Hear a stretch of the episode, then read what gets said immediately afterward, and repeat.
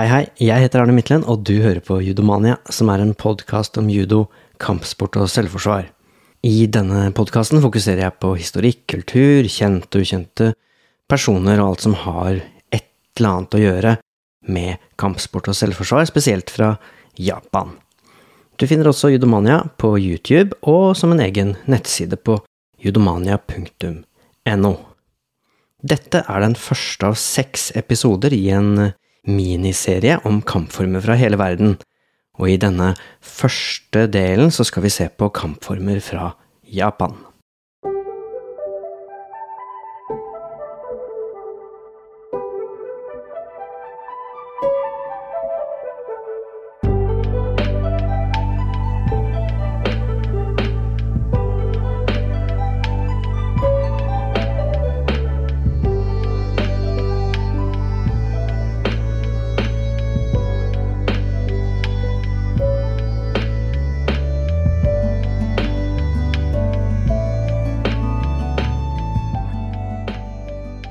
Det er ikke lett å si hvor tidlig man begynte med kampformer i Japan.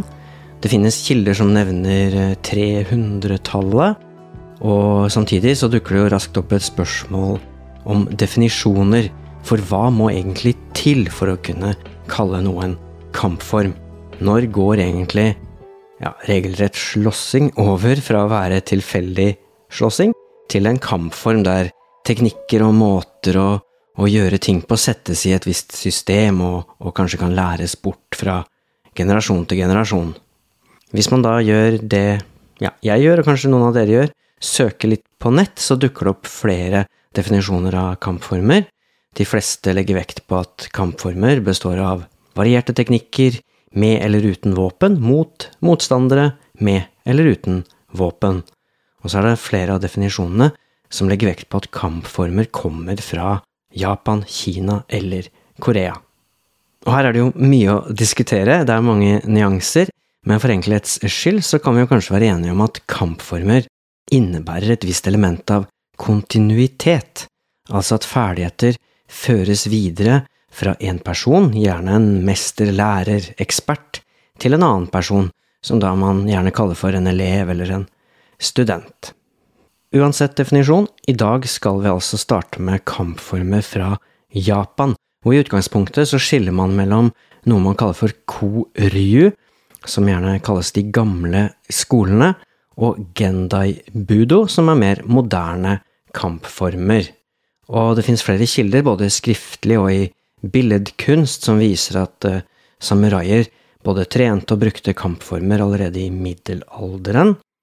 Og da er det ofte snakk om kampformer der man bruker våpen, men også uten våpen.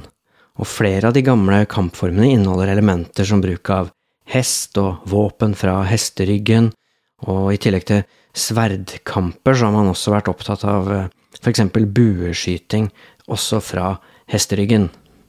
Og hvis vi ser på de typiske kjennetegnene for kampformer fra Japan, så har nok de fleste av oss et eh, bilde av utøvere kledd i hvite drakter og med fargerike belter, og for mange av oss så er Japan selveste kampsportnasjonen over alle. Og det er kanskje ikke uten grunn, for det er få land der kampformene er like nøye vevd sammen med kultur og historikk som nettopp i Japan. Mange av teknikkene og treningsformene fra Japan er preget av den krigerske tradisjonen de oppsto i.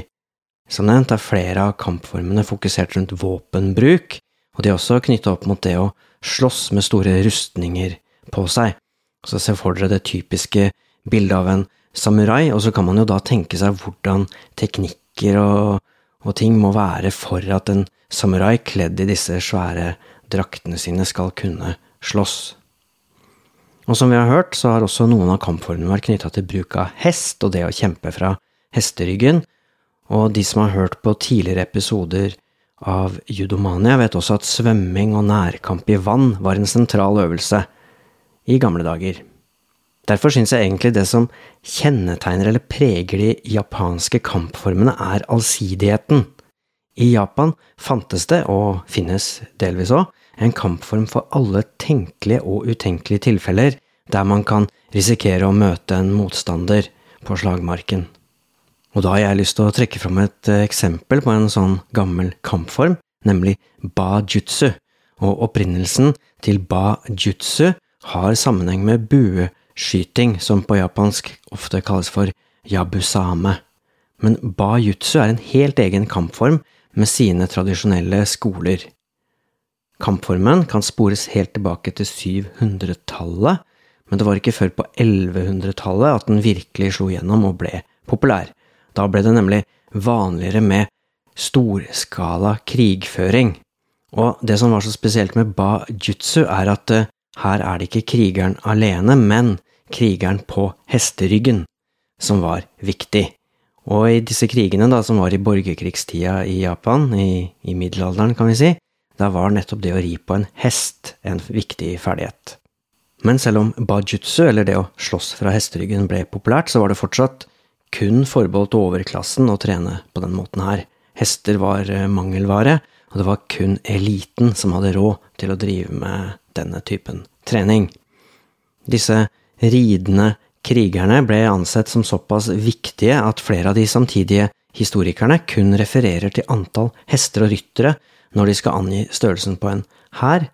De mer vanlige fotsoldatene blir gjerne oversett i sånne framstillinger, selv om fotsoldatene kanskje var eh, i sum viktigere og i alle fall langt flere. Og dette her hadde jo selvfølgelig helt klart med status å gjøre. På 1600-tallet så begynner situasjonen i Japan å roe seg litt ned, og de heftigste kampene i borgerkrigstida går mot slutten, og Tokugawa-sjogunatet sørger for at vi får en ganske stabil og fredelig periode. Dermed blir det mindre bruk for krigere, mindre bruk for krigskunst, og iallfall ikke bruk for ryttere som kan skyte med pil og bue og svinge sverdet fra hesteryggen. Det ble faktisk sånn at bajutsu ble frarådet å drive med, og de få som drev med det, brukte det kun til oppvisninger og i seremonier. Men det var faktisk så mange som 50 bajutsu-skoler som holdt stand selv mot slutten av Tokugawa-shogunatet når vi går inn i Meiji-epoken, der hvor de moderne kampformene tar over. Og selv i våre dager så holder noen av disse skolene på, og Japan Bajutsu Federation ble dannet i Tokyo i 1946 nettopp for å ta vare på og promotere bajutsu som en moderne sport. Og Søker man på YouTube, så kan du sikkert se noen videoer av folk som rir på hesteryggen og skyter på blink med pil og bue. I bajutsu var hest også et viktig element, og den hesterasen som stort sett ble brukt, var den rolige og stabile kisouma, og den er kanskje best å sammenligne med en ponni. Nå har ikke jeg så veldig greie på hester, men det er en ganske liten hest, ca. 1,20 til 1,40 når det gjelder mankehøyden, og ganske kraftig bygd og med korte bein. Jeg har lagt ut et bilde av en sånn hest på judomania.no, så kan du se selv. Og disse hestene måtte også trenes, og de måtte da klare å ignorere plutselige støt og bråk og uro og raske retningsforandringer, for de skulle tåle å motstå det kaoset som gjerne er på en slagmark og hestene ble utstyrt med spesielle stigbøyler, shitanga abumi, og det gjorde det enklere for rytterne å stå og skyte fra salen, sånn at de slapp altså å sitte på hesten og humpe opp og ned. De står i salen når de, eller i stigbøylene, jeg vet ikke det korrekte språket på det, når de skyter med pil og bue. Så spør du meg, så høres dette ut som en skikkelig allsidig kampform, og det er bare ett av eksemplene på alle de kampformene som fantes i Japan i middelalderen. Som vi har hørt tidligere i episoden om Yasuke, den afrikanske samuraien, så var det Oda Nabunaga som var den samuraien som flest kjenner til fra denne perioden her. Han levde på 1500-tallet og ble bare 48 år gammel, og det var han som startet den prosessen som skulle ende med et samlet Japan. Og riktignok måtte landet gjennom en flere hundre år lang borgerkrigsperiode, men likevel så har altså Nabunaga høy status i det japanske samfunnet. Er du interessert i det her, så har jeg lagt ut flere detaljer om eh, denne prosessen med å samle Japan på nettsidene til judomania.no. I vår del av verden, og spesielt i Norge, så er nok de gamle japanske kampformene mest for spesielt interesserte.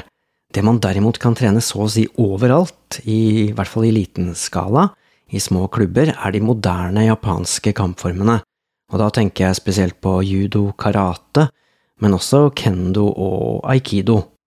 Og i noen av disse kampformene så kan man se spor etter de gamle kampformene, for eksempel i katar, altså disse forhåndsbestemte koreografiene.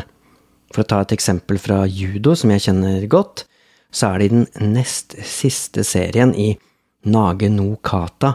Der gjør man et eh, kast, en offerteknikk som heter sumi gaishi, akkurat som om man har på seg en tung rustning. Man går eh, i en dyp stilling og beveger seg litt sånn stakkato og, og klossete på en måte.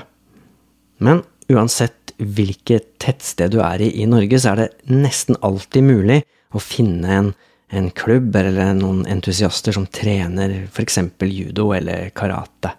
Ta gjerne kontakt med meg hvis dere ønsker å, å, å få tips om hvor dere kan finne sånne eh, klubber. Da kan du jo skrive en e-post til arne krøllalfa judomania.no. Disse japanske kampformene de finner man jo masse av i ulike filmer. Jeg husker en film som gjorde veldig inntrykk på meg, fra 2014, som het Sato Ichi, som handler om den blinde sverdkjemperen. Og det er en veldig kjent eh, fortelling i Japan, og den filmen kan jeg anbefale å se. Eller så har du Lady Snowblood fra 1973, som også er verdt å nevne, og flere steder så omtales det som den beste samuraifilmen noensinne. Og det er det sikkert mange meninger om, men eh, en kjent regissør, Quentin Tarantino, lot seg iallfall inspirere nok til at han lot karakteren til Lucy Louis, Oren Ishi, være en hyllest til denne filmen. Og så syns jeg det er fint å se at man allerede på 70-tallet kunne la en kvinne ha en hovedrolle i en film som vanligvis eh, ville vært preget av menn i hovedrollen. Og så må vi selvsagt nevne selveste Akira Kurosawa, og Yojimbo fra 1964 er virkelig en film som man bør se, og den har jo inspirert så å si alle klassiske spagetti-western- og westernfilmer som er lagd, blant annet helt opplagt for en neve dollar med Clint Eastwood i hovedrollen. Og Akira Kurosawa bør man egentlig se mer eller mindre alle filmene til. Jeg kan jo nevne Kagemusha, Ran, Sanjiro og ikke minst uh, Seven Samurais. De er alle uh, klassikere. Det var alt for denne gangen. Neste gang skal det handle om kinesiske kampformer. Likte du det du hørte? Tips gjerne andre om denne podkasten. Takk for at du hørte på. Ha det bra.